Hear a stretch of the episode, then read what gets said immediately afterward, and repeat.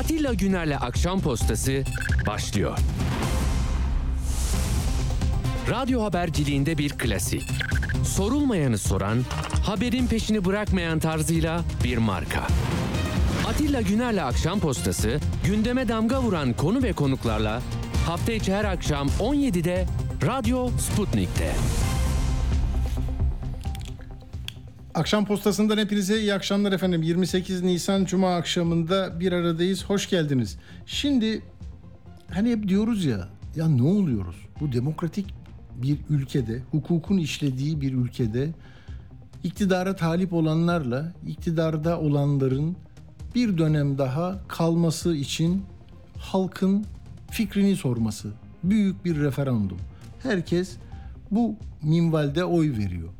Tabii yüzde 50 artı bir olduğu için ittifaklar var, yanda var, kenarda var, köşede var ve şu hizalanma şu oldu. Yani Türkiye'yi 100. yaşını kutlayan bu cumhuriyetin mübarek insanlarına şunu soruyorlar iktidardakiler.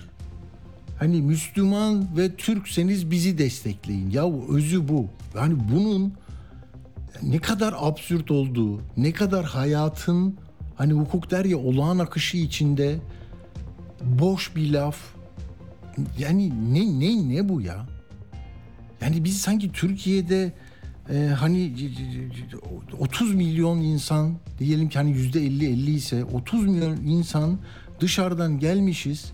Hani kimimize şey dediler ya işte boşnaklar bu, bu Erkan Baş zaten boşnak. E bir kısmı Selanik, bir kısmı işte benim atalarım da nerelerden nerelerden buluşmuşlar. Yani bu ülkenin evladı olmaktan keyif alıyoruz. Ne bayrakla sorun var, ne ezanla, ne camiyle, ne inananlarla. Geride bir sürü hatalar yapmış insanların e, geri dönerek biz bundan utanç duyuyoruz. Artık yok böyle şeyler deyip büyük ulusal bir barış istiyorlar. Hayır diyor ya barış istemiyorum. Ya bu ülkede çözümle terör örgütü ortadan kalkacaktı. Silahlarıyla gelecekti. Silahları gömülsün mü teslim mi edilsin noktasına kadar gelmişti. Ama birileri terör örgütü giderse biz de gideriz. Kalsın orada demedi mi ya? Bu dış güçler, iç güçler, ne güçler, yan güçler, kenar güçler bilmem. Bitmek üzere olan bir şeyi bile baskıyla barışmayın dediler. Yani o zaman bazen ben insanlara onu söylerim. Hayatından bunu çekip alırsak sana ne kalır? Bazen o kadar bağımlı oldukları bir şey vardır ki biterim derler. Bazı siyasi organizmalar ve onların e, neyse yönlendirdikleri şu noktaya geldi.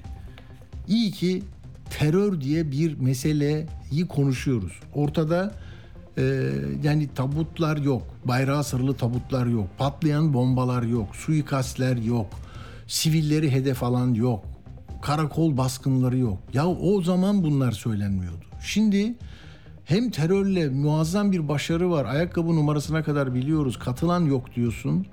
Hem Kandil'de hiçbir şey kalmadı diyorsun ama onu öyle bir güç vehmediyorsun ki bak onlar gelecekler. Hepsi işte bütün çevrede toplar, tüfekler, tanklar, uçaklar geldiler. Gitti gidiyor. Hani memleket gitti gidiyor tamam mı? Haydi o zaman Kurtuluş Savaşı'na. Soğanı da sormayın. Bak Bahçeli de öyle diyor zaten. Kurtuluş Savaşı'nda soğanın fiyatına mı bakıyorduk patatesin? Peki. Yani bu bu basınç, bu laf sonunda geldi 14 Mayıs'ta yönetim değişirse bu bir darbe olacak ve darbe suçlusu olarak biz oy verenlerin hepsi İmralı'ya sığmayız ama hani belki bir yerden bölüyorlar Türkiye'yi tamam mı? Oy verenleri de tespit ederler MOBESE ile falan filan. Hep böyle 25 milyon musunuz nesiniz işte tamam mı? Hani değişim isteyenler öyle çıkıyor anketlerde. Yani siz darbeye teşebbüs istemeyerek, bilmeyerek darbeye katkı FETÖ davasında yargılanan bir kısım bir kısım böyle yani adam gidiyor bir Asya banka aidatını yatırıyor bankanın şey apartmanın o onu böyle yapıyorlar. İşte bir gazeteye abone olmuş vesaire. Yani örgüte bilerek bilmeyerek yardım vardım. Geldiğimiz nokta bu arkadaşlar. Yani hepiniz bak diş fırçanızı koyun. Ha, havlunuzu yenge, hanımefendi, kızınız, çoluğunuz, çocuğunuz, babaanne hazırlasın tamam mı? Koyun bir şeye 15 Mayıs'ta hani iktidar değişirse bütün bu oy verenler sandıktan belli zaten. Sen nerede oy verdin? 166 numaralı sandıkta. E hepsi oradan şey çıkmış. Darbeci çıkmış. Bak hepiniz şey yapmışsınız. e, Millet İttifakı'na vermişsiniz. Demek ki siyasi bir darbe yapıyorsunuz. Buyurun. Devlet güvenlik mahkemelerini kurduk. Henüz devretmiyoruz. İstanbul'daki de devredilmedi hemen biliyorsun. Hop nasıl imajlarını alıyorsun sen? Dur ya orada mit var, kit var dediler. Adamı orada tuttular, evraklar bir şeyler oldu. Aman ya ya neleri konuşuyoruz ya. Bir gönül rahatlığıyla, bir huzurla gideceksin, oyunu vereceksin. Kendi dünyanda bir karar veriyorsun. Bakıyorsun, dinliyorsun. Bir tuhaf bir şeyler ya. Bugün işte sonra da derdim ama yani Süleyman Soylu ya 400 bin mi 500 bin mi silahlı gücü var. Adam İçişleri Bakanı, diğeri Adalet Bakanı, 40-50 bin hakimi, savcısı var. Bunlar şampanyacı dedi. Biz seccadeye e, başını eğenlerle e, olacağız dedi. Yani hakimlere, savcılara bunu söyledi. Şimdi polise, jandarmaya, sahil güvenliğe de 14 Mayıs'ta bize değil başkasına oy verenlerin tamamı siyasi darbenin iştirakçisi olduk. Sesini dinleyin inanmıyorsanız bu distopya değil oldu yani. Böyle bir ülkedesiniz. Sizin akıl sağlığınız, ruh sağlığınız, esenliğiniz çok önemli. Ne olur bunları sesle verdiğim zaman ürkmeyin. Yaşadığınız tarihsel süreç içinde çocuklarınıza, torunlarınıza böyle bir dönem vardı ve 15 Mayıs'ta böyle oldu. Bunların bir kısmının fasulye olduğu ortaya çıktı falan dersiniz ya. Bak ver bakayım soyluyu Necdet. Darbe. 15 Temmuz onların fiili darbe girişimiydi. Şimdi burada söylüyorum 14 Mayıs'ta siyasi darbe girişimleridir. Bu kadar açık net. 14 Mayıs 2023 Batı'nın siyasi darbe girişimidir. Türkiye'yi tasfiye etmeye yönelik hazırlıkların 14 Mayıs'ta her birini bir araya getirerek oluşturabilecek darbe girişimidir. Ya bu bunu arkadaşlar yani normal karşılıyor musunuz? Ben yani bu yakın siyasi tarihi falan da okudum. İnönü de böyle demedi. Hani çok partili rejime girerken 46'da da böyle söylenmedi. 50'de de söylenmedi. 50'de iktidara gelenler bir sürü tahkikat komisyonları bilmem ne onlarda da sıkıntı var. Hiçbirisi demedi ki yeniden bunlar gelecek. Yahu Akşener cevap versin buna. Asıl meseleyi konuşalım. Bak bunları konuşarak konuşamadığımız meseleyi e, size aktaracağım. Akşener burada cevap hakkını kullansın e, muhalefet adına. 14 Mayıs seçiminin bir işgalci güçle bu biz oluyoruz ayıptır be. İşgalci güçle istiklal mücadelesi verenler arasında olduğunu söylüyor. Bu milletin başka partilere oy verenini sen işgalci güç olarak tanımlıyorsan eğer gerçekten yazıktır, gerçekten günahtır, gerçekten ahmaklıktır, saygısızlıktır. 14 Mayıs akşamı kazandığımız takdirde Türkiye'de darbe olacakmış. Hadi oradan be. Türkiye'nin yaşayan Türkiye'de yaşayan her bir ferdin güvenliğinden sorumlu olanlar bunları konuşuyorsa eğer bu ülkenin insanları, bu ülkenin evlatları, bu ülkenin her bir evladı AK Parti'ye oy veren de başka siyasi partilere oy veren de İyi Parti'ye, CHP'ye, MHP'ye oy veren de her biri has evladıdır ama bu partilerin özellikle AK Parti'nin ve paydaşlarının yöneticilerinin yaptığı konuşmalar bu ülkeye yönelik çok büyük bir tehdittir. Evet tehdit diyor. Tehdit diyor. E, haklı mı? Yani bu ne? Türk Ceza Kanunu'nda var ya darbe işbirlikçisi, darbe yardımcısı, darbe hükümeti işini yapamaz hale getirme, anayasayı askıya alma. Yani bir oy vererek bizim düne kadar her oyumuz kıymetliydi. Şimdi gelen anketlerden böyle bir sıkıntı görülünce yani bu mu oldu? FETÖ oldunuz, terörist oldunuz bir şey şimdi de darbe girişimcisi.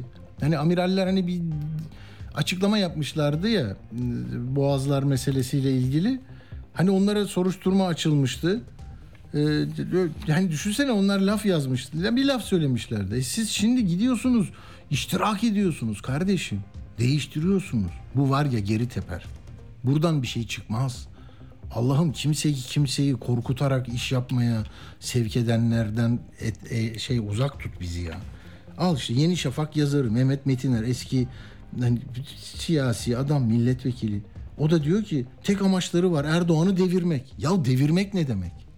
Değiştirmek. Değiştirmek siyaseten seçimleri niye yapıyorsunuz ya?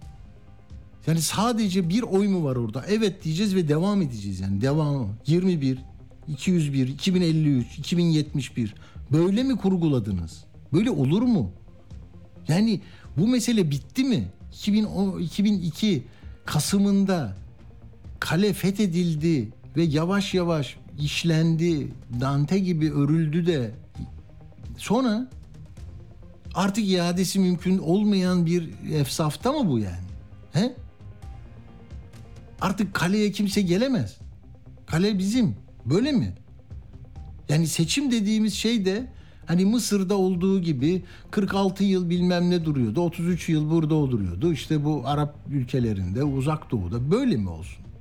Burada huzur olduğunu mu düşünüyorsunuz? Ve ta- talep gelirse ben daha iyi yaparım diyenlerin de darbeci olduğunu söylerseniz iki kişi bir araya geleceğiz yapacağız deyince koalisyon, çete, mafya yani hakikaten inanılır gibi değil. Ben çok üzülüyorum bu hadiselerin böyle olmasına. Ama bu işin içinde bir de 15 Mayıs'ı bekleme var. Stres de olsa e, sakinleştirici alacağız gideceğiz. Peki bize bunları konuştururken asıl konuşmamamız gereken şeyleri de tayin etmiş oluyorlar. Bak darbe, terör, işgal, şampanya, seccade, kıble bunlarla gidiyor son Türk devleti, son Türk yönetimi tamam mı? Bundan başka yönetim olamaz. Hainlere bu bu bu ya Erdoğan'ın bu söylediği lafa kim ne dedi ki ya? Bu ülke bu hainlere bırakılamaz gençler dedi. Bu ülke bu hainlere bırakılamaz. Hain, darbeci her şeysiniz siz. Tamam. Şimdi bak niye konuşamıyoruz? Dün ben A Haber'de ne dedim size? Bu kadar e, sıkıntılı ülkede bir de böyle hani şey ferahlık verici haberler de lazım ya insanlara. Yalnızca işte vatan, millet, ezan, Sakarya olmuyor. Ayasofya belgeseli tamam o oldu bitti zaten. Onun getirisi getirdi. Daha da ne getirecek yani? Her gün Ayasofya'yı açacağım mı diyeceksin. Ee, et balık et süt kurumu 119 liraya başladı. Hani dün böyle güzel anlatmıştım. Bak burada notlarım. Sabit et fiyat çalışması yaptı. A Haber diyor. Et süt kurumu 119 TL'ye kıymayı kuşbaşını 129'a tarım kooperatiflere de 140 ve 150'den vereceğiz. Sonra da bazı marketlere de verdik. 190 ile 210'dan alacaksınız. Halbuki asıl fiyatları 300 lira, 400 lira vesaire. İnsan et alamıyor. Şimdi o sesi verelim. Sonra biz ne dedik? Dedik ki Arda Arda, Acaröz hadi oturma yerinde kalk et süt kurumundan yarım kilo kıyma al anana babana hiç değilse bir katkın olsun ev, ev ekonomisine. O, onu şimdi konuşacağız Arda'yı da bağlayacağım. Bir dinleyelim ee, bakın ne dediler bize? Biz onun üzerine gittik. İstanbul'da bir tane et süt kurumunun şubesi var. 16 milyon yaşıyor Beylikdüzü'nde. Hani 16 milyonun yetişkinleri nöbetleşe gelseler zaten şaka ya. Şaka gibi bir şey işte. Gittik ama biz. Bak önce A Haber'i dinleyelim. Et Süt Kurumu'nun bu mucizevi sabitleme, İkinci Dünya Savaşı zaten işgal yaklaşıyorsa, Nazi ordularıysa biz de şimdi hani iktidara talip olanların tamamı yabancıların şeyiyle e, ne derler sponsorluğuyla ilerliyoruz biz tamam mı? Mesela her bir seçmen Amerika Birleşik Devletleri'nden, Kopenhag'dan, Brüksel'den tamam mı? New York'tan geliyor size bir e, şey haber. Siz de ona göre hareket ediyorsunuz yargılanacaksınız. O ayrı. Ama bakın ne diyor? Et süt Baktığımızda Ramazan ayı ile birlikte hem et ürünlerinde hem de temel gıda ürünlerinin fiyatlarında sürekli bir hareketlilik yaşanıyordu ki tabii bunların başında da et fiyatları geliyordu. İşte bunu sabitlemek için, buna bir dur demek için de et fiyatlarında bir e, sabitleme açıklaması geldi. Et ve Süt Kurumu'na ait bir noktadayız. Kıymanın kilo, kilogram başı 119 lira olduğunu sizlere söyleyelim.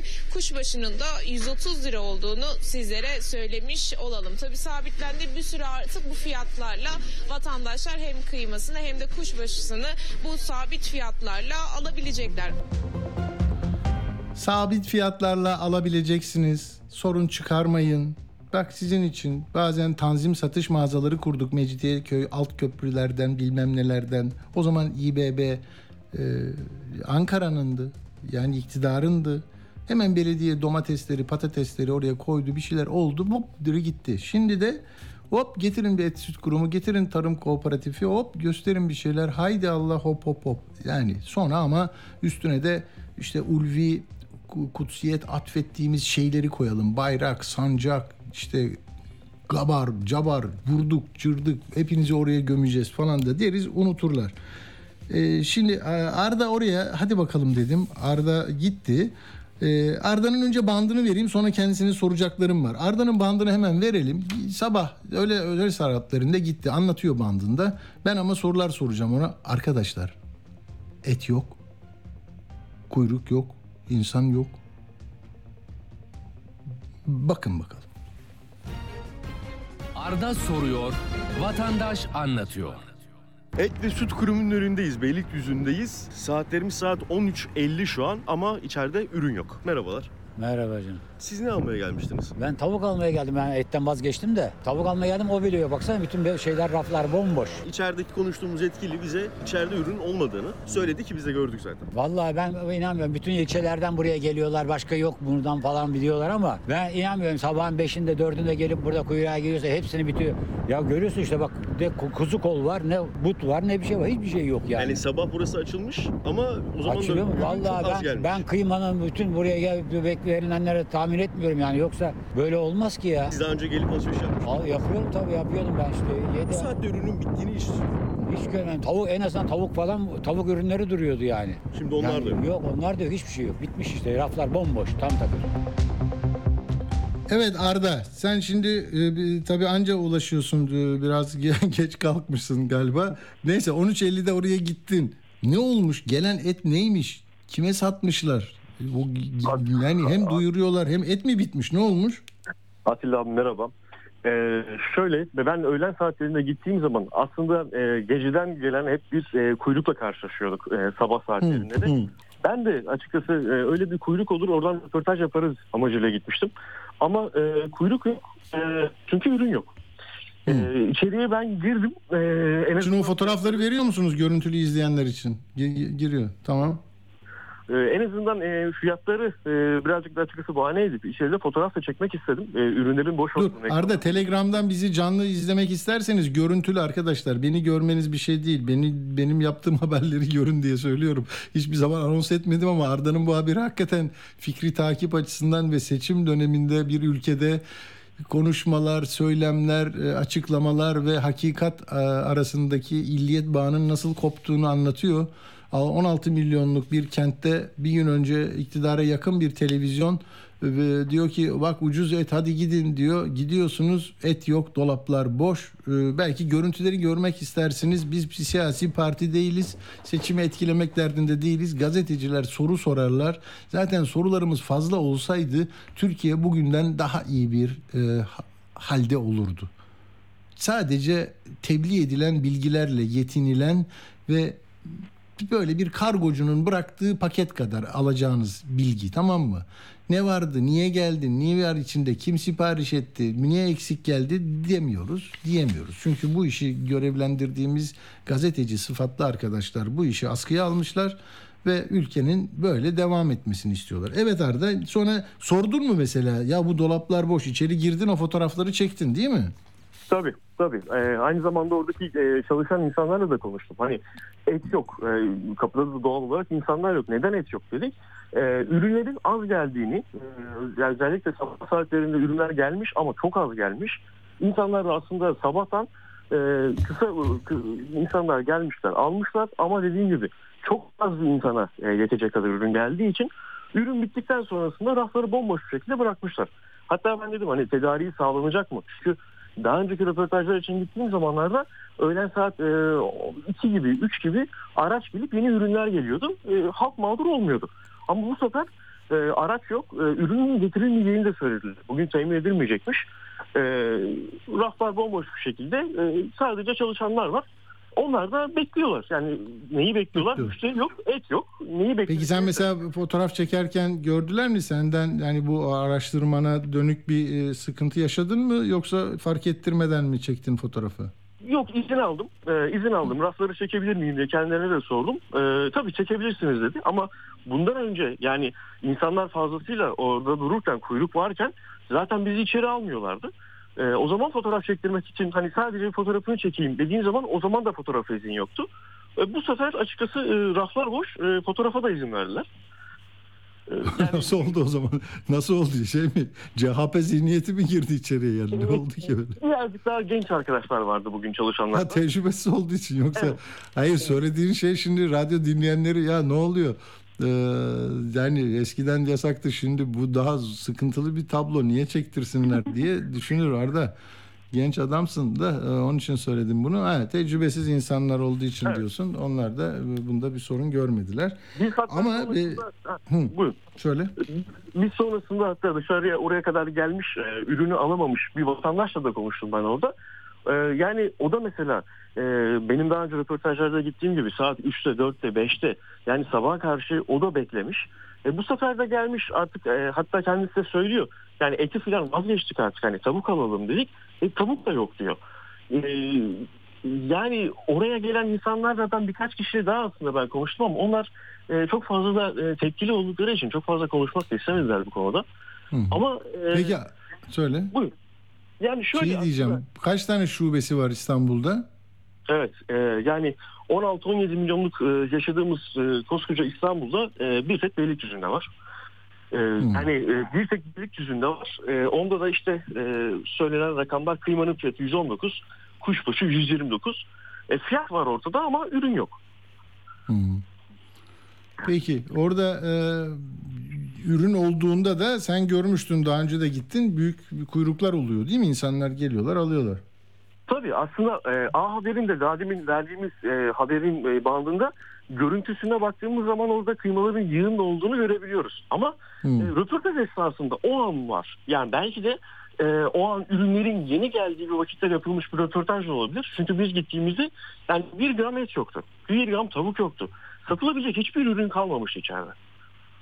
Anladım. E, bunu e, yarın da- tatil gerçi ama sonra e, pazartesi günü de hem Süt, Süt. Kurumu'nun Ankara'da merkezinden de bilgi alalım. Ne kadar et İstanbul'a sevk ediliyor? Neden yetmiyor? Ankara'da mesela marketlere de vereceğiz, tarım kooperatifine de vereceğiz diyorlar. Hatta hafta sonu sen bir tarım kooperatifine de bak, e, tarım Takip satış yapıyorum. kooperatifinde. Onlardan da e, bilgi alalım. Peki Arda çok teşekkür ediyorum. Sağ ol. Ben teşekkür ederim. Sağ olun. Evet Arda Acaröz yaptığı haberi e, dediğim gibi yani söylenecek başka bir şey yok. Yani ucuz et, ete ulaşamıyorsunuz. Ulaşmanız için televizyonlar var, gazeteler var, sabitlendi. Harika fiyatlar oldu. İşte müjde geldi falan diyorsunuz. Sonra gidiyorsunuz orada bitmiş sabahın köründe zaten az bir şey. Aynı tarım ne o tanzim satışta da böyleydi. Yani şeklen bu meselenin e, yani Ramazan'da da ucuz et vereceğiz dendi olmadı. Orada da olmaz olmaz. Yani sistemin getirip önümüze koyduğu sıkıntı bu. Sistemi konuşmazsak bunu konuşamazsak neyi konuşuyorsunuz? Erkek erkeğe evliliği. Türkiye'nin böyle bir konusu, ihtiyacı, talebi, tartışması, mevzusu hiçbir şey yok. Ama LGBT'ni sokağa arada bir gün çıksın sorsun. LGBT ne demek? Bu meseleyi nasıl bir gedik açtılar? Ne diyorlar? Nerede? e, oradan ne çıkacak? Korkutarak nereye gideceğiz? Çünkü ortada Hakikaten çok vahim bir tablo var. Alın. Şimdi de bak Soylu e, bu seçimin hani bir yandan sancak, bayrak, seccade, kıbleydi. Şimdi de erkek erkeğe evlenenlerle ka- kadın erkek evlenenler arasında bir mücadele olduğunu söylüyor ya. Yine bakın söylüyorum 600 bin mi 400 bin mi ne silahlı şeyi var. Gücü var ya. Bir verir misiniz? Sonra da bakın şey Akşener ona nasıl cevap veriyor aynı bantta.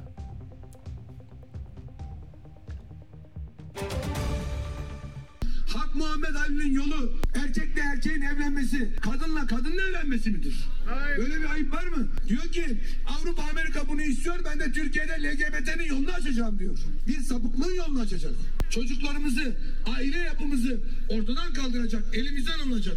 Hak Muhammed Ali'nin yolu bu mudur? Arkadaş erkek erkek evliliğe takmış. Ya bu ülkede erkek erkeğe evlilik mi var?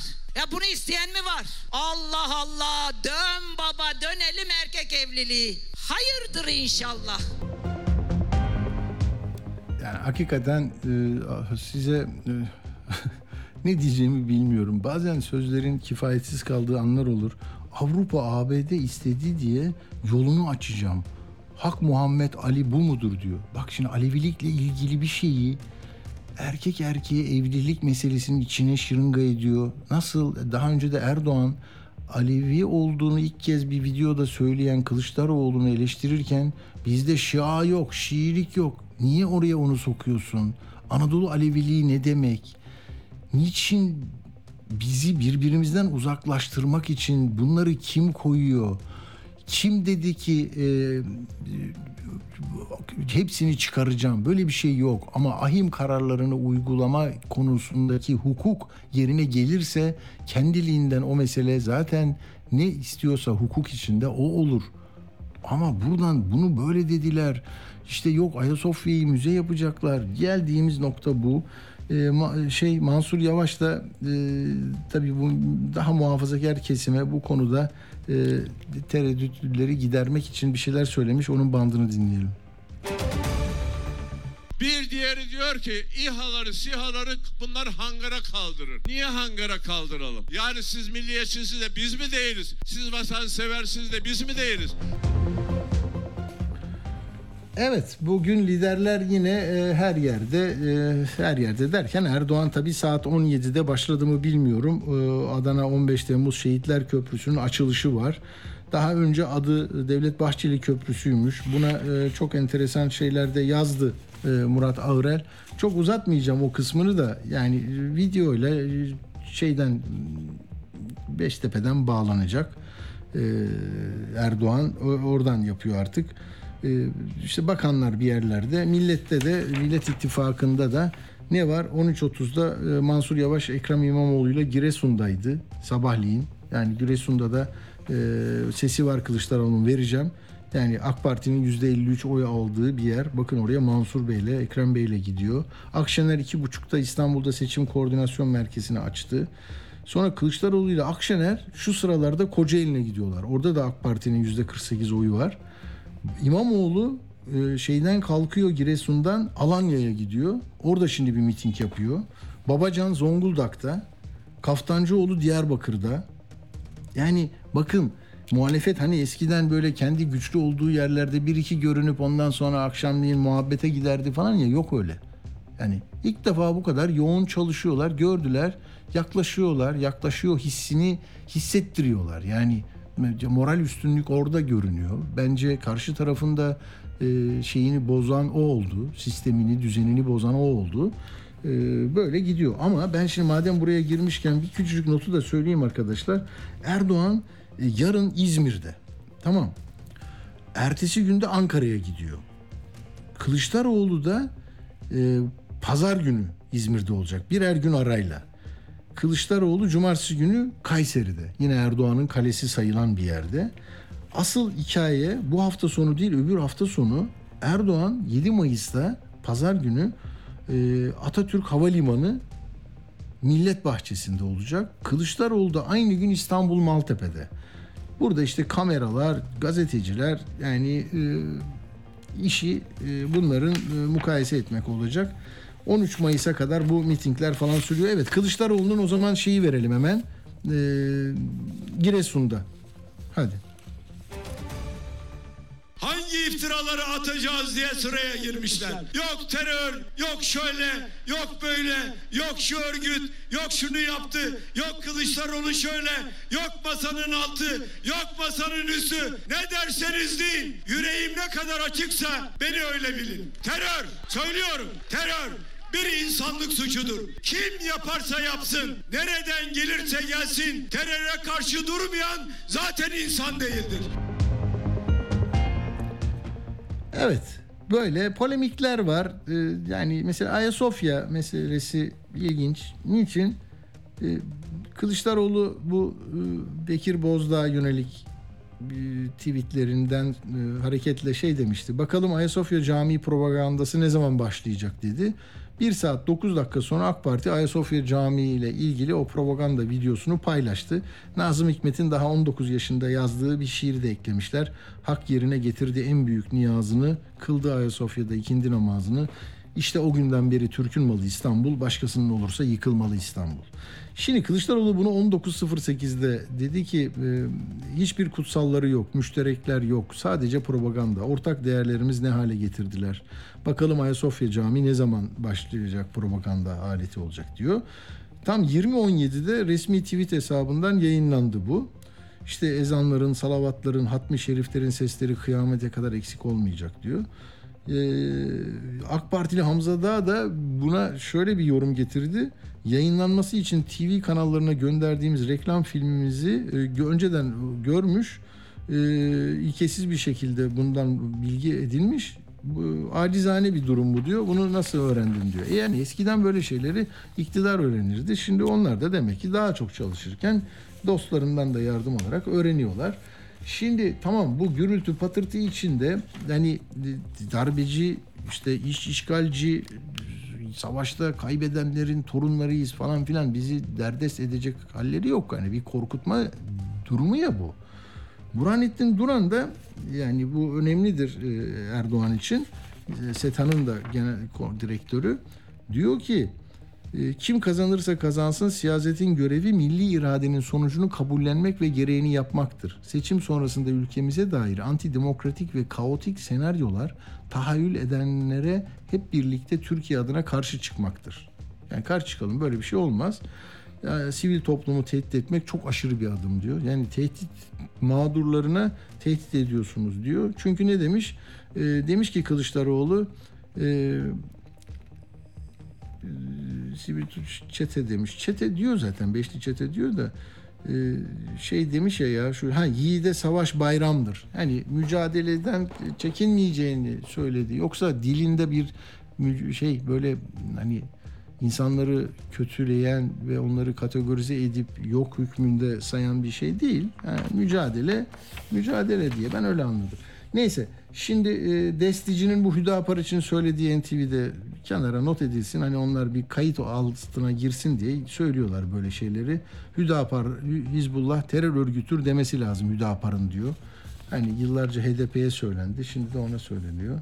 Öcalan'la bir görüşme meselesi netleşiyor. Hani e, demişti ya e, Kürt gazeteci daha önce. Demirtaş da diyor ki evet ben de kendi kaynaklarımdan öğrendim. Ahmet Dicle yazmıştı bunu. Emin olmasaydı zaten söylemezdi. İmralı'ndan sonuç alamayınca sahada Kürtlere baskıyı arttırıp Hüdapar'ı yedeklemeyi tercih ettiler diyor. Murat Ağırel tarih verdi. 28 Mart'ta üst düzey bürokratlar Öcalan'a gitmişler. Ne konuştular e, bilmiyorum diyor ama seçim mi oldu ne olacak bilmiyorum. Ee, ama e, beklediği yanıtı alamamışlar. Ondan sonra da e, bu mesele böyle gerilimin tırmandırılması haline gelmiş. Ee, bu arada ne diyecektim? Ha bu tabii Emek ve Özgürlük İttifakı Kılıçdaroğlu'na desteği böyle sakin bir dille, gürültü patırtı çıkarmadan bir yazılı açıklamayla yaptı. Ee, yani Kemal Bey'i destekliyoruz dedi. Ne demek bu? HDP, yani Yeşil Sol Parti, Türkiye İşçi Partisi, Yeşil Sol Parti, Emek Partisi, Emekçi Hareket Partisi, Toplumsal Özgürlük bunlardan oluşuyor. Aday çıkarmamışlardı. Ee, bu tarihi seçimde Kılıçdaroğlu'na oy vermeye çağırıyoruz dediler. Bu kadar. Yani bundan sonra artık bak onlar gördünüz mü terör örgütlerinin desteklediği şey bilmem ne ittifakı gitti Kılıçdaroğlu'na oy verin dedi. Kandil de öyle diyor. Demek ki işte bunlar terör e, örgütü gibi böyle e, önermeler sık sık gelebilir. E, bir de ne diyecektim? Merkez Bankası'ndaki rezervi merak ediyor musunuz bunlar konuşulurken? Ekonomist Murat Kubilay diyor ki e, Merkez Bankası'na ait döviz ve altın rezervleri eksi 67 milyar dolarla tüm zamanların en düşük değerinde. Cumhuriyet tarihinde bu noktaya hiç düşmedik. Birinci Dünya Savaşı'nı kaybetmiş, serv imzalamış gibiyiz. Dış borç bu hesapta yok. Satılan kamu kurumları ve topraklarımızda diyor. Tabii hal böyle olurken e, size de karar vermek düşüyor. Ne diyeceksiniz bilmiyorum. E, polemikler bitmiyor derken şu lafı da söyleyeyim. Dün TRT'de TRT Haber'de bakıyorum Selçuk Bayraktar vardı. Selçuk Bayraktar bir şeyler söylüyor. Altında devamlı Kılıçdaroğlu e, bunu böyle nasıl söyledi bir şeyler. Dur bakayım ben buradan bulacağım onu şimdi. Ha diyor ki ben buradan da göreyim. Kılıçdaroğlu'nun Baykar açıklaması. Bayraktar yaptığımız mücadeleyi hiç anlamadığını görüyorum. Bak şimdi bir saat konuştular. Kılıçdaroğlu hiç anlamamış. Kocaman bak. Selçuk Bayraktar bu bu işe biz hayatımızı vakfettik. Gece yattım, kalktım, orada yaptım diyor. Kılıçdaroğlu'nun Baykar açıklaması. Ya şimdi Kılıçdaroğlu'nun Baykar açıklaması e, çok böyle e, onu bana Uğur yollamıştı. Uğur bana onu neyle yollamıştı? Bir saniye e, bakıyorum. Aha. Şöyle demişti bak savunma sanayindeki özelleşmenin Türkiye için büyük bir risk ol, olduğunu söylüyor. Sonra diyor ki bayrakları kastederek şöyle diyor. Eğer siz sadece özel sektöre verirseniz diyelim ki arkadaşımız İHA yapıyor. Sadece özel sektöre verirseniz bu da Türkiye için risk demiş. Hani bunu daha e, devlet de yapsın falan. İşte oradan hareketle de ay sen bunu ne yaparsın? Yurt dışına satar, satmamızı mı istiyorsun? E, böyle niyetlerin var. Amerika'ya mı vereceksin? Kızıyorlar. Haluk Bayraktar da diyor ki e, Türklerin değil de ABD şirketlerinin yapabileceğini zannediyor herhalde. Nuri Demirhan uçaklarını toprağa gömen zihniyet değişmemiş. Ha Atatürk Havalimanı'nı dedi ya iki uzman gelecek Amerika'dan anlatacak onu. Ben orada kesiyorum şimdi. Ama yani burada bile sanki şey düşman güçleri gelecek İHA'ları SİHA'ları alacaklar gibi bir algı oldu. Ee, değil yani burada devlet zaten işliyor be kardeşim. Yani hükümet dediğin o çarkı yönetmek üzere ben daha iyi yönetirim diyenler geliyor. Darbe, siyasi darbe ne demek ya? Siyasi darbe dedi İçişleri Bakanı daha ne olsun? Peki ben bu kadarlıkla yetineyim çünkü e, yolcu gelecek şimdi. Yolcunun saati geldi. Hemen yolcunun kapağı olsun. E, devam edelim. O gizemli bir yorumcu. Ben kahin değilim ama herhalde hatırlayacaktır değerli dinleyiciler. Bir yıldan fazladır keser döner, sap döner, hesap döner diyordum. Hesap döndü. Adı yolcu. Memleketi dünyayı geziyor ve anlatıyor. Eski askeri vesayet yerine sürekli bir dış güçman üretenle ahiret üreten karşılığında da tanıdık yandaş vesaireyi besleyen bir kapitalist sistem var. Tahlil ediyor, düşündürüyor. Biz artık insan bir baba ya da devlet bey değil Atilla. Soyut kurum olarak devlet babayı istiyor halk. Yolcunun çarpıcı yorumları Atilla Güner'le Akşam Postası'nda. Atilla Güner'le Akşam Postası devam ediyor. Yolcudan siyasi analiz. Evet sevgili yolcu merhaba hoş geldin. Merhaba Atilla. Öncelikle e, Sayın Cumhurbaşkanı'na geçmiş olsun dileğimizi iletelim. Teşekkürler. E, sen de tam sarayın e, gazetecisi gibi konuştun Atilla. Hayrola? Hayır Uğur o sırada bir şey yazmış. tamam mı ona bakıyorum. Yani çok bana bir latife yaptın diye düşündüm. Evet. Çok iyi. e, şimdi e, şöyle bir şey söyleyelim. Normalde Sayın Cumhurbaşkanı ve bütün muhalefette bulunan e, genel olarak söylüyorum bunu. iktidarda bulunan herkes konuşurken bir 85 milyon iddiasında. İşte hı hı. 85 milyon, 85 milyonun hakları, 85 hı. milyon. Fakat iş seçime geldiği zaman 85 milyon rakamı değişmeye başlıyor. Bugün itibariyle e, Bekir Ağırdır'ın bir konuşmasını dinledim. Ondan aldığım rakamları hmm. söyleyeyim. Yani e, Türkiye'de toplam seçime katılacak tabi bunlar tahmin elbette. Hı hı. Yaklaşık olarak 60 küsür milyon seçmenin %90'ı katıldığı için işte bir 27 milyondan fazla oy alınması lazım. Hı hı. Şimdilik şimdilik e, iktidar 21 milyon oyda gözüküyor. Karşı tarafın oyunun ne olacağını hem Sinan Oğan hem e, aynı zamanda sadece sadece Kılıçdaroğlu değil belirleyici faktör Muharrem İnce de olduğu için ona bir şey söylemek mümkün e, olmuyor. Fakat böyle bir gerçek var. Şimdi her konuşmada 85 milyonun güvenliği, 85 milyonun refahı fakat oy atmaya gelince e, siyasi darbe. Darbeyi kim yapacak? Şimdi darbeyi eğer parti başkanları yapacaksa konunun bizimle bir alakası yok Atilla. Yani biz vatandaşlar olarak, memlekette yaşayanlar olarak bizi ilgilendirmiyor. Yok. Eğer siyasi parti başkanları değil de oy verenler yapacaksa artık kim oy veriyorsa onların hepsi de bizzat darbeye iştirak etmiş oluyorlar. Tabii. Ben öyle demiştim ya girişte yani çünkü hayır onlar biz biz olmadan oyumuz olmadan onlar ne yapacak ki? Biz veriyoruz aslında imkanı. Dolayısıyla e, darbecisin. Eğer öyle oy Tabii. veriyorsan sen darbecisin kardeşim diyor. Burada da tabii e, halkın topyekün bir bölümünü hem de ağırlıklı bir bölümünü bu e, seviyede görmek e, en basit tarifiyle, en nezaketli tarifiyle talihsiz bir durum. Aymazlık diyebiliriz. Çünkü 2001'den 2002'den bu yana daima Türkiye'de e, AK Parti'ye oy vermeyen MHP'liler de vardı. Hı, Birlikte tabii. koalisyon yapıncaya kadar AK Parti'ye hiç oy vermediler.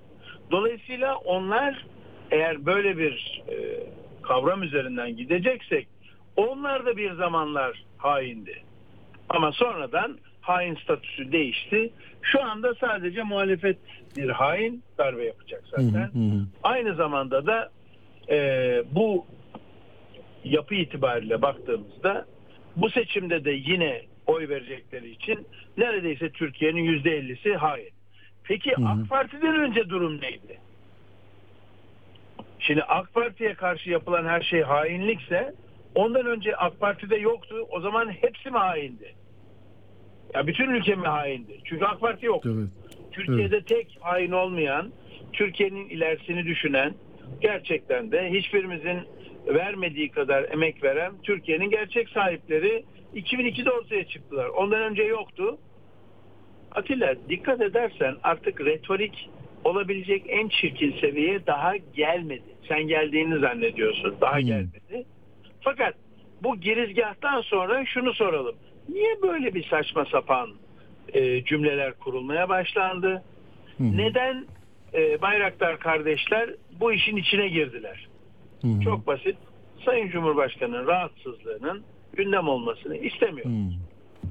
Onun yerine daha spekülatif, daha üzerine konuşulacak, daha kavgacı, daha tarafları, safları sıklaştıran bir pozisyon alma meselesi bu. Çabuk e, çabuk tüketilen değil mi? Çabuk iletilen. E, tabii tabii yani birkaç günlük bize bir malzeme lazım ağrı kesici.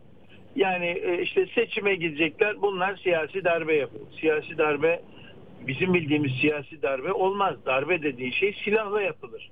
E, silahlı kuvvetler senin elinde, polis senin elinde. Eğer böyle bir haber varsa, bunu söylüyorsa hep beraber halkın şunu söylemesi lazım. Kardeşim iddiayı ispatla mükellefsin. Hemen seçimi durdur. Madem ki darbe olacak. Atilla. Ya öyle deme şimdi yolcu öyle deme bir de akıl veriyorsun bir de öyle bir şey çıkmasın Bak sonra. ne diyorum ama seçimi durdur çünkü elinde böyle bir istihbarat varsa seçimi durdur da darbe olmasın. Hayır seçimi durdurmuyorsan e sen de darbeye destek vermiş oluyorsun. Hmm. Öyle değil mi? evet.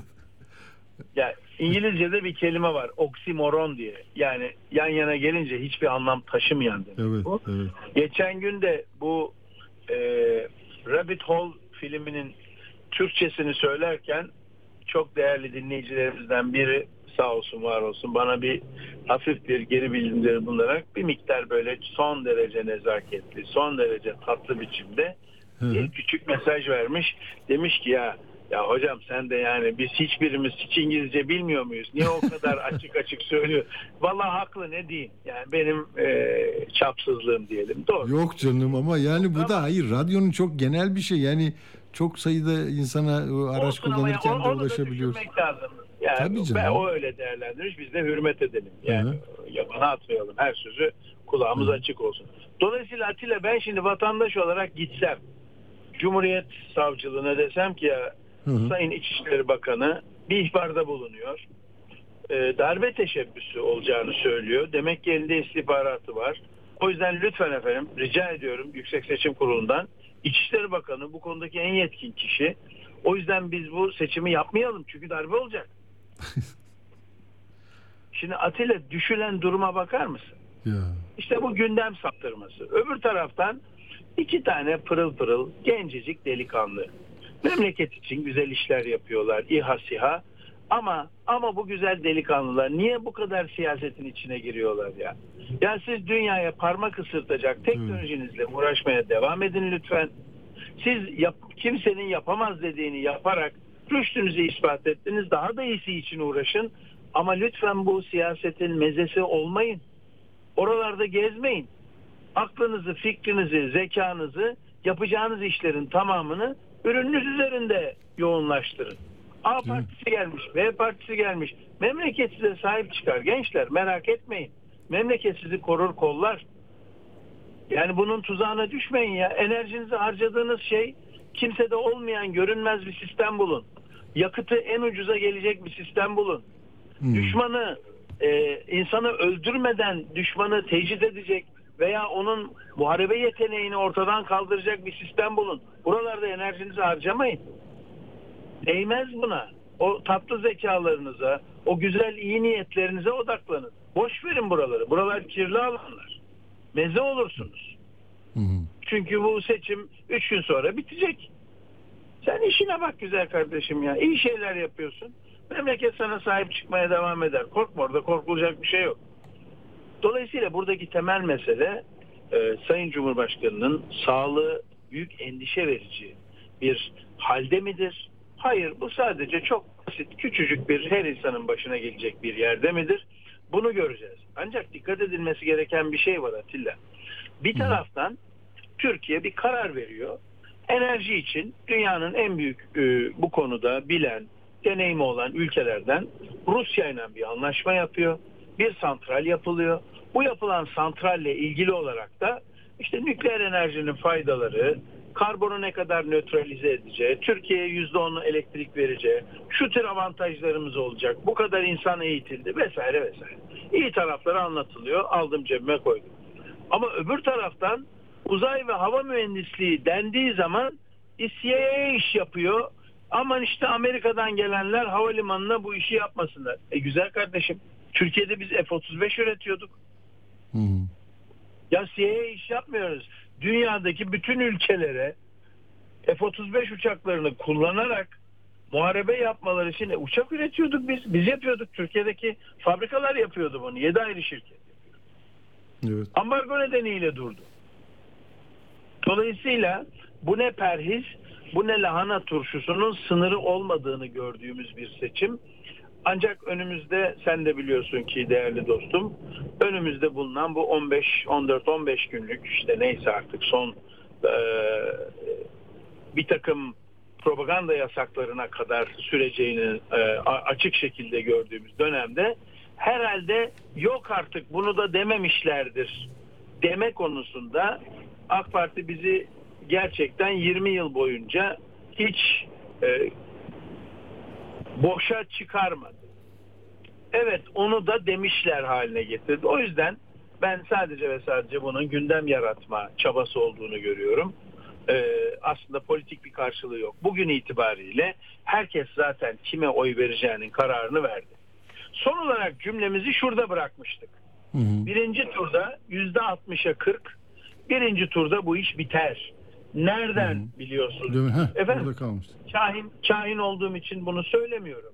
Yazılanlardan, insanların e, davranışlarından, toplantılardan, e, bir sürü kitleyi aylardır dinlemekten, taksi şoförlerinden, bir sürü yerden, sahadan ben sadece özel arabasıyla makam şoförüyle dolaşan biri de olmadığım için toplu taşıma araçlarından zaman zaman vapurdan, otobüsten, metrodan gençlere bakarak, çevreye bakarak işte pazar yerinde dolaşarak bir sürü insandan aldığım şey bu. Büyük bir enerji var. Bu enerji e, iktidarın değişeceği yönünde. Artı çok fazla yabancı kaynak okumaya e, gayret ediyorum biliyorsun. Son zamanda Türkiye'de iktidar değişiyor konusu çok işlenmeye başladı. E, bunun olasılığı tabii hiç kimse yüzde yüz demiyor. Biz de demiyoruz diyemeyiz de. Ama e, Türkiye'de iktidar değişiminin olasılığının çok arttığını e, sürekli olarak işte e, hükümetin artık değişeceği yönünde haberler, yorumlar değişirse şöyle olur, değişirse böyle olur gibi yorumlar var. O nedenle e, bütün bunları birleştirdiğimizde 60'a 40 yani 51'e 49 değil daha güçlü bir formatla birinci turda bir değişiklik olacağını e, söyleyebiliriz. Bu değişiklik birinci turda bitecek bir seçime ait ama e, yüzde 40 da az bir olasılık değil. Onu da çöpe atmayalım. Fakat güçlü olasılık bu. Peki bu olasılık için belirleyici faktör ne? Atilla yapılan araştırmalarda ilginç bir şey görüldü. Ee, sohbet edince de fark ediyorum bunu. Ee, Muharrem İnce'nin destekçilerinden bir grubun seçme hakkı yok. 18 yaşın altında.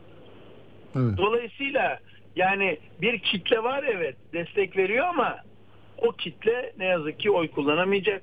Diğer bir kitle ise e, hiçbir zaman Türk e, politik tarihinde seçime iki hafta kala böyle bir kişi iki kişi belki istifa eder ama böyle ilçe seçim bölgesindeki bütün kurulların 5-6 yerde olduğu 50 kişi 60 kişi 70 kişilik grupların e, partiden ayrıldığını görmemiştik. Bunu izliyoruz.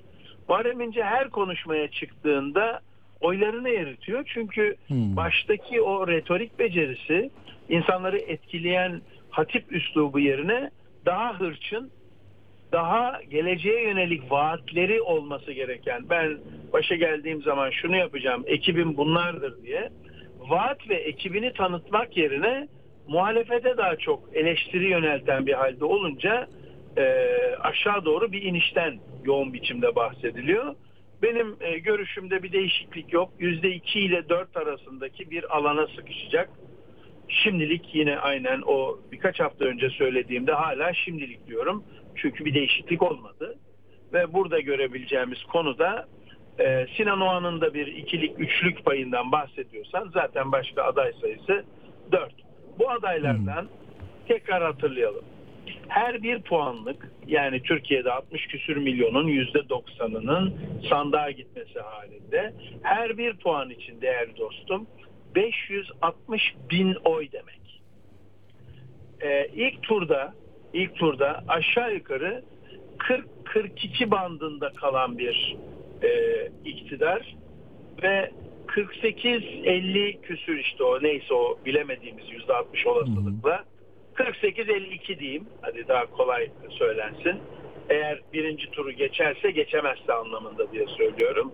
Geçmesi halinde zaten 48-52 gibi bir şeyden bahsedebiliriz. Bir taraf 52, bir taraf 42'ler civarında ise bu bizi zaten son parça kalan altılık işte geçersiz oylar vesaire diye baktığımda e, Sinan Oğan'ın 2-3'lük ve yine de e, Muharrem İnce'nin de 2-3 puanıyla 6'yı orada görebiliyoruz. Bu e, yaklaşık olarak e, bakıldığında 48 yaklaşık 90'a gelir. İşte onun ucuna da dediğim gibi geçersiz oyları koyarsan elinde böyle bir şey çıkar.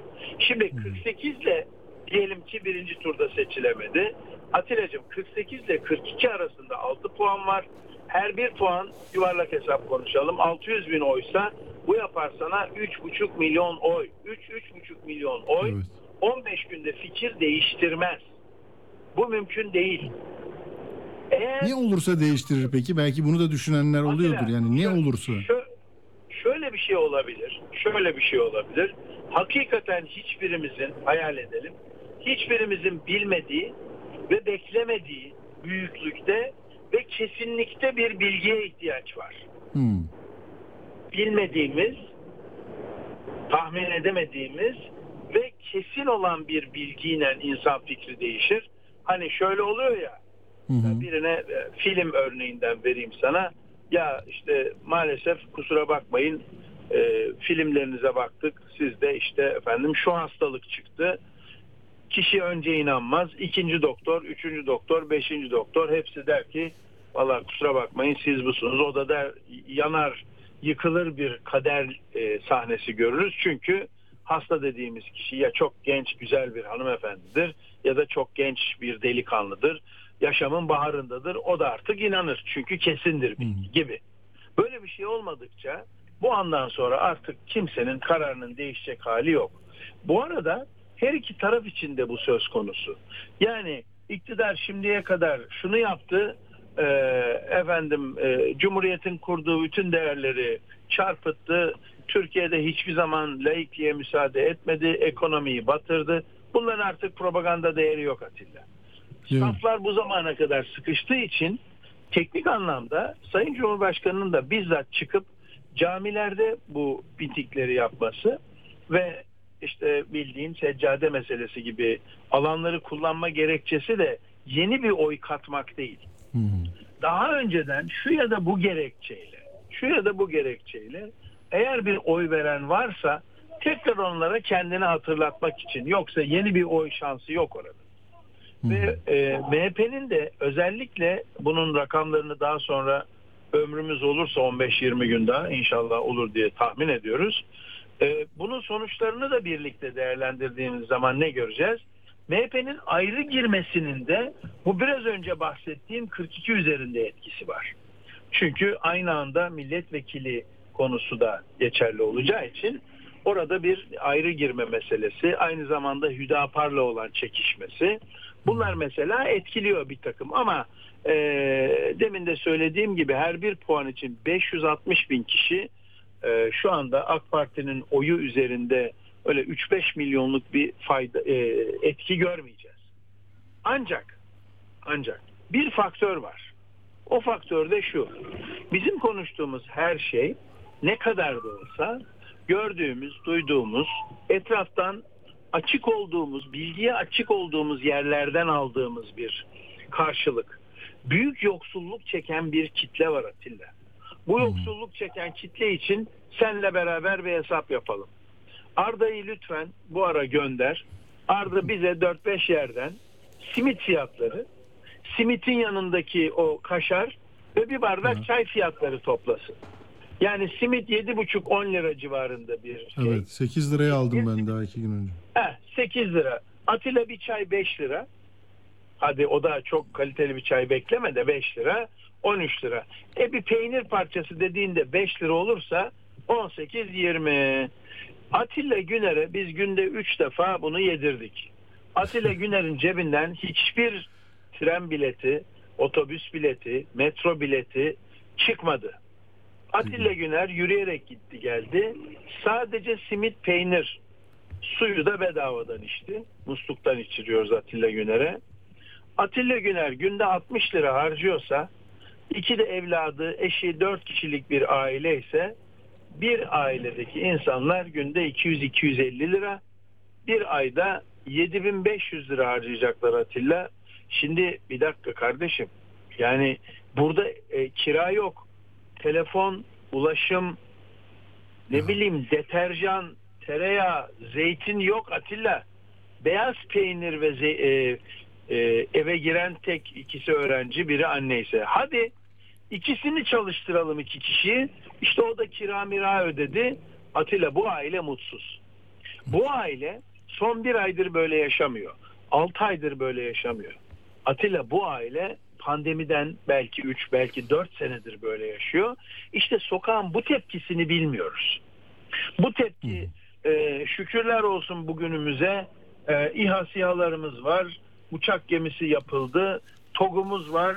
Gaz geldi çok mesuduz diyen bir kitle mi? Ki gaz konusu ciddi şekilde manipülasyon olduğunu söylüyor. Bugün Cumhuriyet Gazetesi'nde Türkiye'de enerji konusunda bilgili bir e, efendim yazı vardı bir beyefendinin yazısı. Ya diyor onların şu anda iddia ettiği rakamla günde sadece bir yani toplam olarak bakıldığında 1 milyar metreküp çıkıyor. Oysa 6 milyar çıkması lazım bu evlere bu kadarın verilmesi için gibi bir aslında verilenle söylenen arasındaki çelişkiyi anlatan bir haber vardı. E, o yüzden değerli dostum bu söylediğim tahmin ettiğim rakamlardan daha yüksek çıkabilir.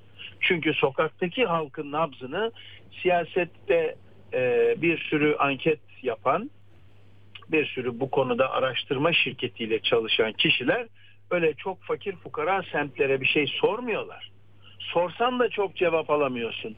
Sadece bir tane teknik bilgiye sahibim. Nereden geldiğini söylemeyeyim müsaadenle. Ee, şöyle anket şirketlerinin yüz yüze yaptığı anketlerde cevap vermeyenlere şunu soruyorlarmış. Peki e, cevabınızın yazılmayacağını, mikrofonun kapalı olduğunu bilseniz söyler miydiniz? Evet söylerdim. Şimdi Atilla e, basit bir mantık yürütelim. E, anket şirketlerinin ağırlıklı bölümündeki insanlar ister istemez e, ne taraftan olduğunu bilmiyoruz. Çünkü onu göstermeye başladığın andan itibaren anketler sapmaya başlar. E, yüz yüze geldiğin zaman sadece anket yapıyoruz diyerek konuştuğuna göre iktidar yanlısı söylememezlik etmez. Korkacak bir şey yok çünkü iktidar onun arkasında. Ancak potansiyel muhalefet ya da daha önceden bir şekilde kamera çeker. Daha önceden ben e, AK Parti'ye vermiştim. Şimdi fikrimi değiştirdim, tepki duyarım diye söyleme olasılığının daha yüksek olduğunu düşünüyorum. Ama burada yüzde yüz kesin konuşmak hatalı olur. Şunu rahatlıkla söyleyebiliriz ki e, görünen veri setine göre birinci turda yaklaşık olarak tabii bunlar birinci turda bir 60'a 40 iktidarın değişme olasılığı buna bağlı olarak ikinci turda neredeyse çünkü 48'e 42 gibi çok yuvarlayarak söylediğim bir şey. Eğer birinci turda olmazsa ikinci turda doğal olarak 50'nin üzerine çıkan bir puan olacak taraflardan biri için. O da 56-58 aralığı 56-58 karşı tarafa 44-42 aralığı veriyor. Yani 10-12 puan yine bahsettiğim o 3,5-4 milyonun yansıması şeklinde olacaktır. Ee, bu aradaki puan anlamında söylüyorum. Bunu da seçimden sonra Göreceğiz. göreceğiz. Şimdilik görünen bu Atilla. Peki. Çok teşekkür ederiz. O eksik kalmıştı. Onu da e, dinleyenlere ulaştırmış olduk. E, sevgili yolcu iyi hafta sonları diliyoruz. Çok teşekkür ediyoruz katkın için. Ben teşekkür ederim. Sağ olasın. Evet. e, yani Bayraktar'dan söz etti yolcu. Onun için bunu söyleyeyim. E, Uğur not geçmiş. Dün TRT Haber'deydi Selçuk Bayraktar. Bugün de mesela bu akşam Habertürk'te konuk oluyormuş Haluk Bayraktar.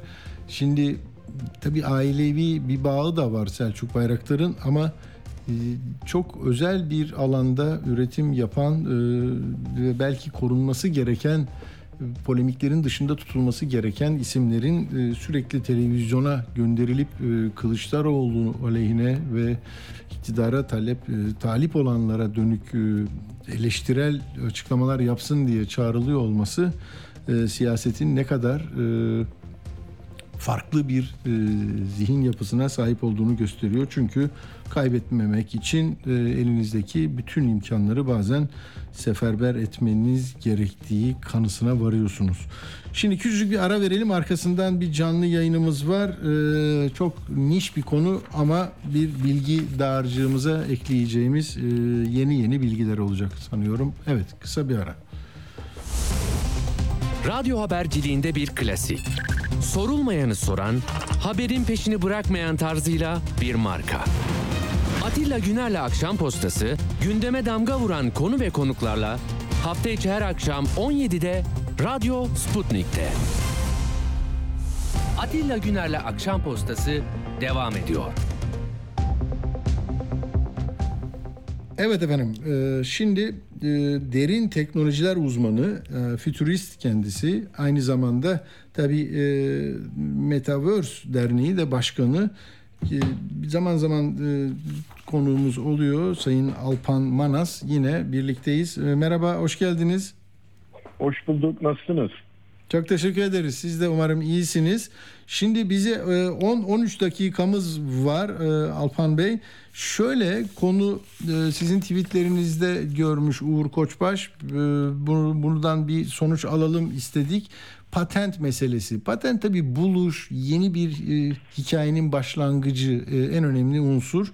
Sonunda e, baktım ben bir ara Edison hala 92 yıl önce vefat etti hala patentleri konusunda dünyada bilmiyorum eski bilgi mi e, önemli bir unsur. Yani bir şeyi bulmuş ticari bir amaçla kullanılıyor ve e, o bu, bu haklarını koruma altına almış. Şimdi üniversitelerde de böyle patent başvuruları çoğalmış Türkiye'de ama bunların e, içeriği, katkısı e, ekonomiye, insanlığa belki bunu konuşalım.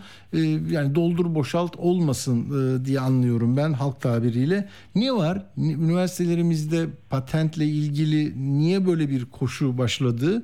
E, ve burada neyi gözetmemiz lazım? Onu dinleyeceğiz sizden.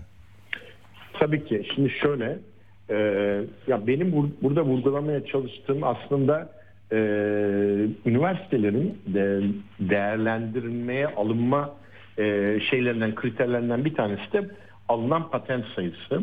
Fakat e, Türkiye'de. Fakat tabii e, artık hani adetsel bir şeyin e, çok fazla bir anlamı olmadığını ben ifade etmeye çalıştım. Tamam. Biraz anlaşılsın, daha net anlaşılsın diye söylüyorum. Şu yani bir üniversiteye çocuğunuzu kaydederken onun kalitesini, etkinliğini e, bakarken bir de patent sayısını da e, gözetiyor mu mesela gençler ya da aileler? Yok öyle değil, öyle değil. Öyle değil. Üniversitenin e, üniversitenin klasman sıla- e, klasman olarak e, sıralamasına Hmm. eden bir faktör. Tamam. Şimdi Hani dünyanın en iyi 500 üniversitesi diyoruz mesela ya da Türkiye'nin. e, evet ama onların tabii onların değerlendirme kriterleri farklı. Şimdi şu isterseniz şöyle başka bir yerden Tamam. gireyim ben konuya. E, orada sıkı, e, e, sıkışacağız çünkü. Şimdi, Tamam. e, konu şu. E, patent konusu aslında girişimcilikle bağlantılı e, giden bir konu. Yani bir üniversitenin girişimci bir girişimci yetiştirip yetiştirmediğini veya girişimci ruhu olan insanların üniversitede e, gerekli desteği alıp alım almadığıyla ilgili bir konu. Şimdi ben diyelim ki girişimciyim, girişimci olmak istiyorum, aileden de girişimciyim veya e, ailem e, girişimciydi, ben girişimci olmak istiyorum.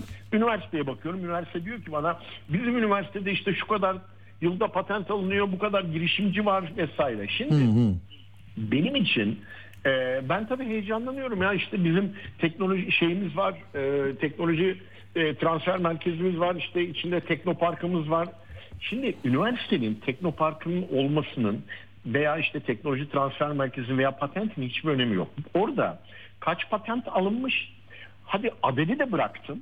Bu patentlerin ticarileşmesi çok çok önemli. Yani bugün siz de aklınıza gelin, akşam rüyanızda görün, sabah patent başvurusu yaparsınız. Ve e, e, belki e, benzeri olmadıysa da sadece Türkiye'ye bağlı olarak belki patent de alabilirsiniz ama önemli olan bunu ürüne çevirip çevirmeyeceğiz. Şimdi bakın ben size şöyle bir örnek vereyim.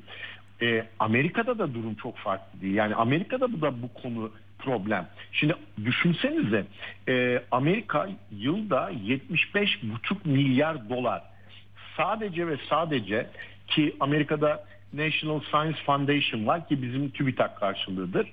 E, araştırmalara e, e, akademik araştırmalara harcanan para Amerika'da yıllık at- yet- 75,5 milyar ve onun üzerine kongre diyor ki 2,5 milyar do- e, dolar da benden diyor. Şimdi mesela şöyle söyleyeyim e, Amerika'da e, 20 yılda son 20 yılda 11 bit- bin tane startup e, üniversitenin içinden çıkan startup e, şirketleşmiş. Yani hocalarla beraber, öğretim üyeleriyle beraber işte kurulmuş şirket. Yani yılda 550 tane Amerika'da şirket ortaya çıkıyor e, üniversitelerden. Evet. Bunlar tabii Bizde böyle bir şey var mı? e, bizdeki rakamlar çok düşük. Yani ben e, orada zaten Türkiye'deki sorun şu. Ben esas sorunu dile getirdim Tabii. e, Twitter'da. Şöyle bizdeki sorun şu. Bir kere merkezi bir takip sistemimiz yok. Yani Amerika'daki merkezi üniversitelerin e, bağlı olduğu bir takip sistemi var. Mesela diyelim ki İzmir'de Ege Üniversitesi var, 9 Eylül Üniversitesi var, Yüksek e, Teknoloji e, üniversitesi var. E, bunlar ayrı ayrı belki aynı ürün üzerinde de çalışıyor olabilirler. E, boşu boşuna belki üçü de aynı anda aynı tip patente başvurmuş da olabilir. Yani dolayısıyla biz merkezi olarak Türkiye'de neyin nasıl yapıldığını da bilmiyoruz. Ve inanın mesela TÜBİTAK'ın ödediği bir rakam var. 5 milyar dolar civarında onu da ben tweet attım. E, TÜBİTAK niye ödemiş bunu? Türkiye'nin katma değerli ihracatının artması için.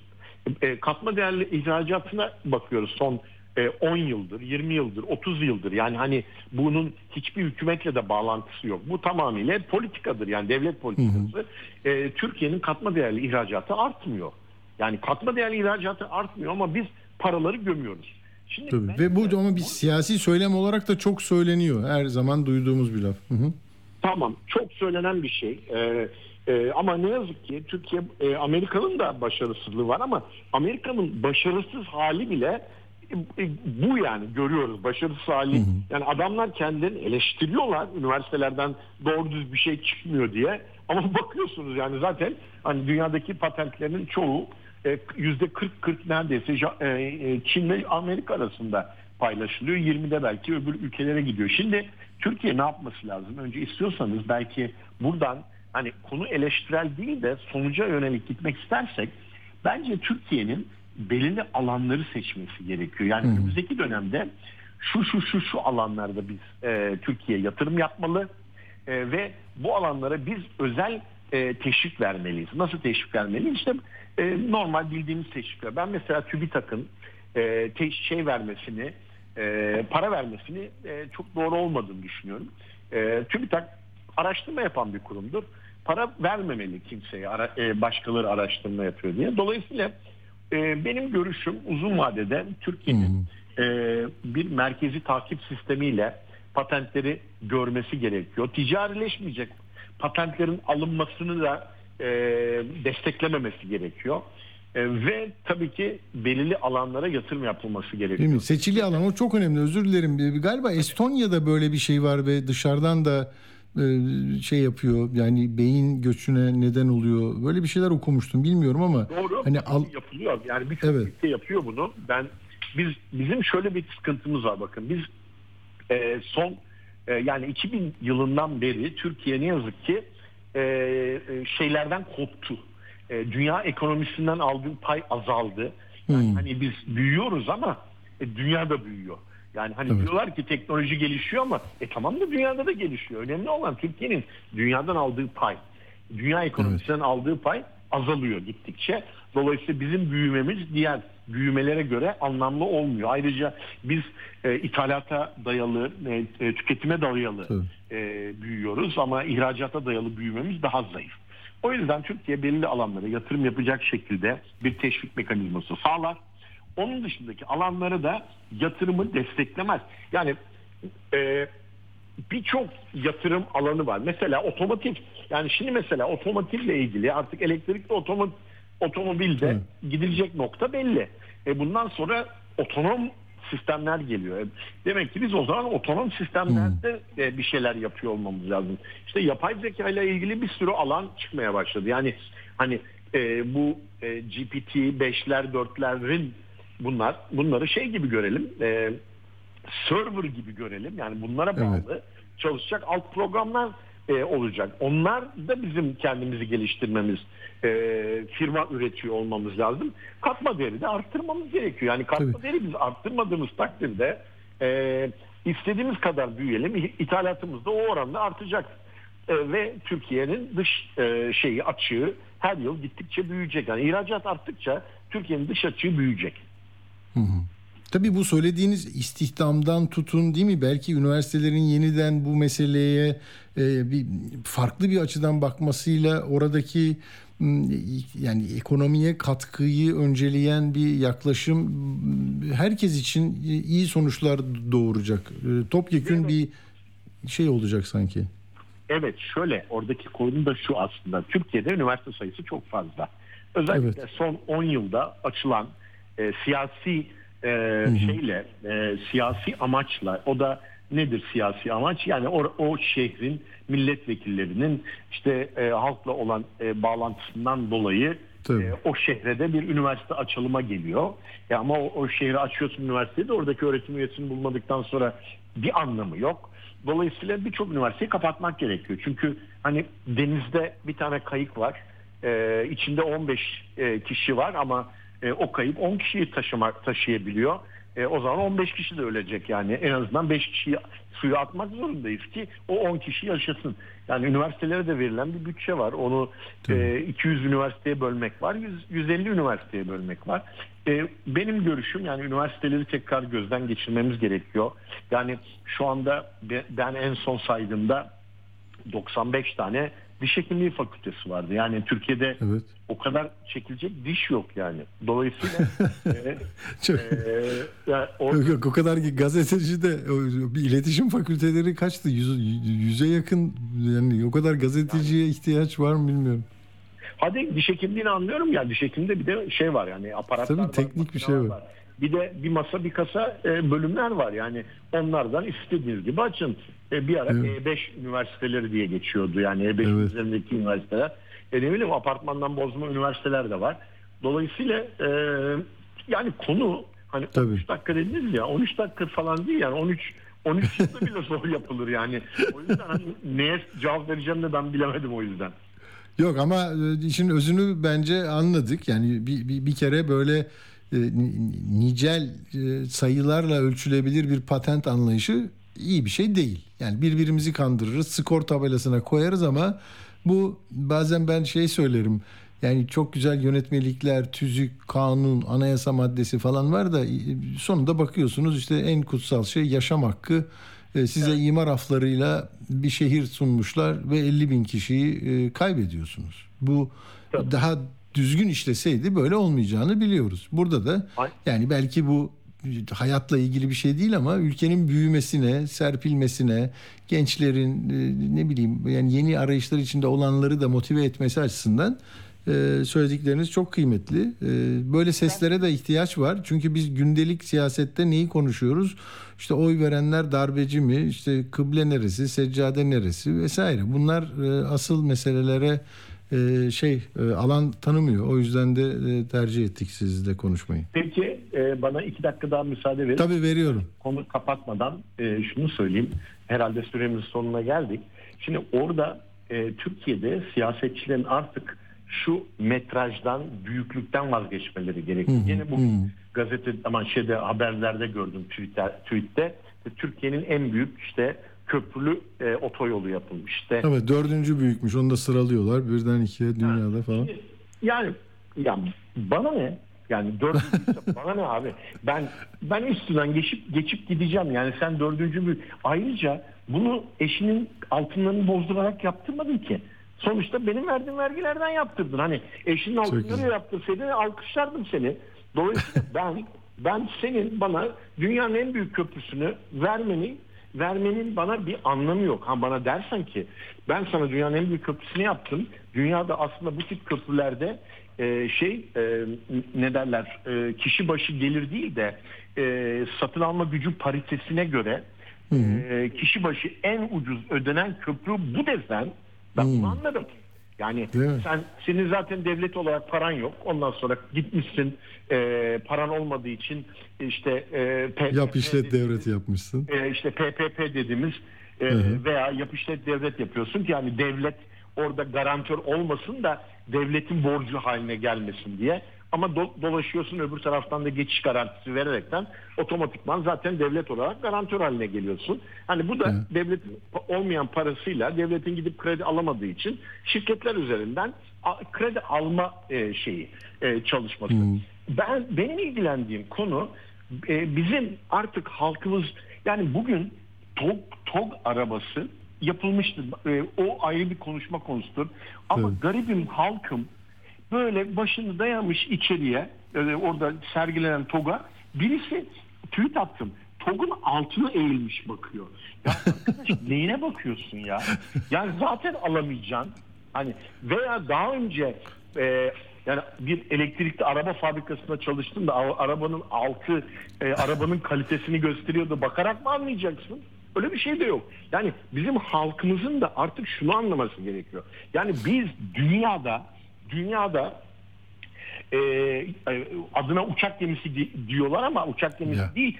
LHR, L, L, L. İlk harfi L yani lojistik yani çıkarma gemisi. Çıkarma. Ya çıka- çıkarma gemisini yeni ya Amerika'da biliyorsunuz uçak gemilerini gezebiliyorsun ama onlar tedavülden kalkmış yani kullanılmayan uçak gemilerini gezdirirler. Ya biz yeni şey yapmışız e, çıkarma gemisi yapmışız halkı gezdiriyoruz yani ya ya halk deme, demeyecek mi ya kardeşim beni niye gezdiriyorsun abi? Biz savaşa mı gidiyoruz da hani bak abi biz bu gele- gelecek hafta işte e, şeye Kıbrıs'a çıkacağız.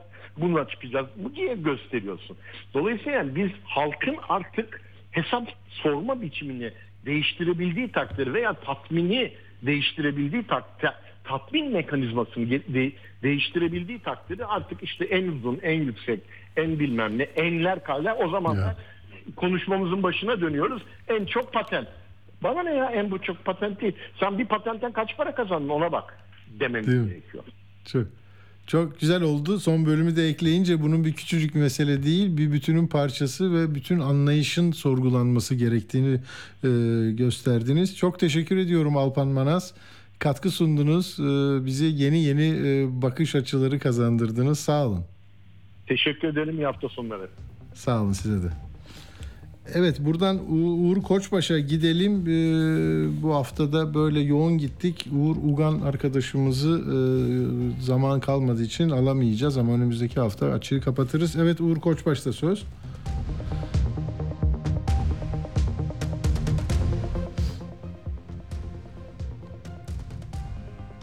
Evet Uğur merhaba. Merhaba. Bu arada bir e, epeydir böyle bir olay olmamıştı. E, Mardin Nusaybin'de terör örgütüyle bir çatışma neticesinde bir jandarma eri şehit olmuş. Bir de jandarma eri e, yaralıymış. Onu da son dakika bilgisi olarak vereyim. Evet sen de şeyi söyleyecektin değil mi? Bu Atatürk Havalimanı meselesi Kılıçdaroğlu. Evet, evet. Şimdi Kılıçdaroğlu o videoyu yayınladı. Dedi ki Atatürk Havalimanı'nda uzay çalışmaları merkezi kuracağız dedi.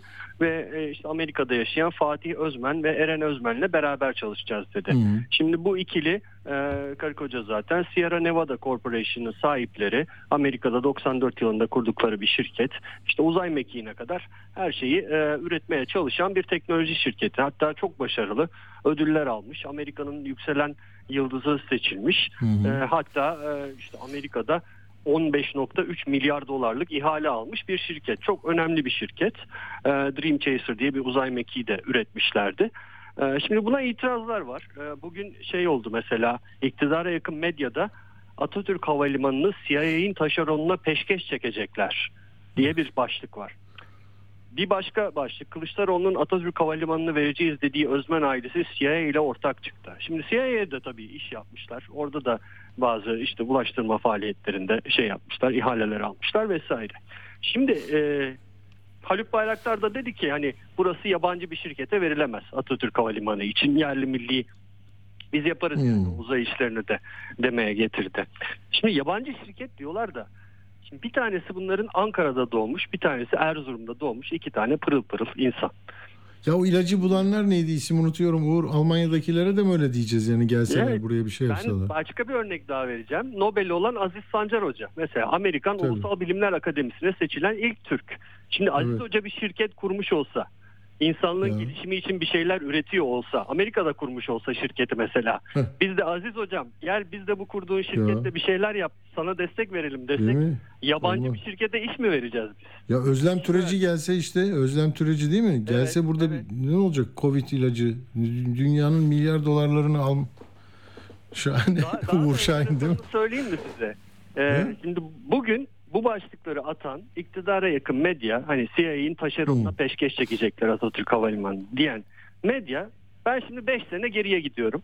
Arşiv unutmaz diye bir laf var ya ben de arşiv çalıştım bugün. Sabah gazetesi 2018 haber tam sayfa röportaj. Gökyüzünün Türk Sultanı. Eren, Eren Özmen NASA'nın uzaya insan ve kargo taşıyacak ilk uzay aracı Dream Chaser'ı tasarlayan şirketin başkanı. Dünya medyası peşinde geçtiğimiz günlerde yılın havacılık girişimcisi ödülünü aldı. Projelerini ve hayat öyküsünü sabaha anlattı. Ya. E ne oldu şimdi? Ne oldu şimdi? E seçim Yani- var, seçim var. seçim var. Ya şimdi. ama hakikaten bu olmaz. Seçeceğiz. Sultanları mı seçeceğiz? Sultanlar, sultanlar devam mı? Ne? Neyse. Neyse. çok kısa zaman kaldı. Şeyi söylemem lazım. 19'da Beşiktaş Galatasaray maçı var. Pazar günü 7 maç kaldı şampiyonluk yarışında. Ee, sondan bir önceki haftada Fenerbahçe Galatasaray maçı var Galatasaray'ın sahasında. Galatasaray son hafta maç yapmayacak Hatay Spor'la oynayacaktı ama Hatay ligden çekildiği için hükmen galip. Yani Galatasaray 6 maç oynayacak. Ee, ve Ama haksızlık bu bak ben bugün seni konuşturdum. Mahmut söyledi zaten yani e, fikstürü anlattı sana. İyi haksızlık olsun bütün takımlar. ben galip oluyor Hatay'la oynayacak olan takımlar. Galatasaray ile Fener arasında 6 puan fark var. Beşiktaş'la Galatasaray arasında 8 puan fark var. O yüzden Fenerliler Beşiktaş'ı tutuyorlar. Ee, Ya bak sen Bahçeli'nin hesabı gibi yaptın. Sonunda da Fenerbahçe şampiyon diyeceksin galiba. Aynı öyle oldu. ha. 9'dan 7'yi çıkar. Oradan 6 kaldı. Fenerbahçe şampiyon. Peki. Çok teşekkür ediyoruz Uğur Bey. Çok naziksiniz ama önemli olan centilmenler kazansın. Tabii, tabii, ben tabii. bir bir şey demeyeceğim.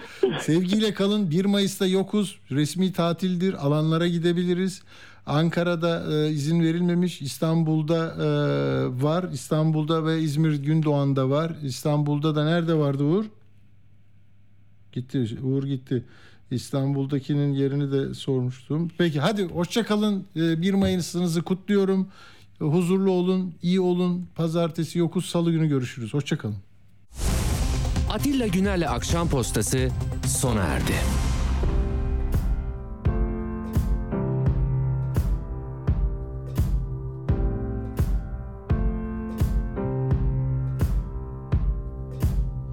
Guess it's true, I'm not good at stand. But I still need love, cause I'm just a man. These nights never seem to go to plan.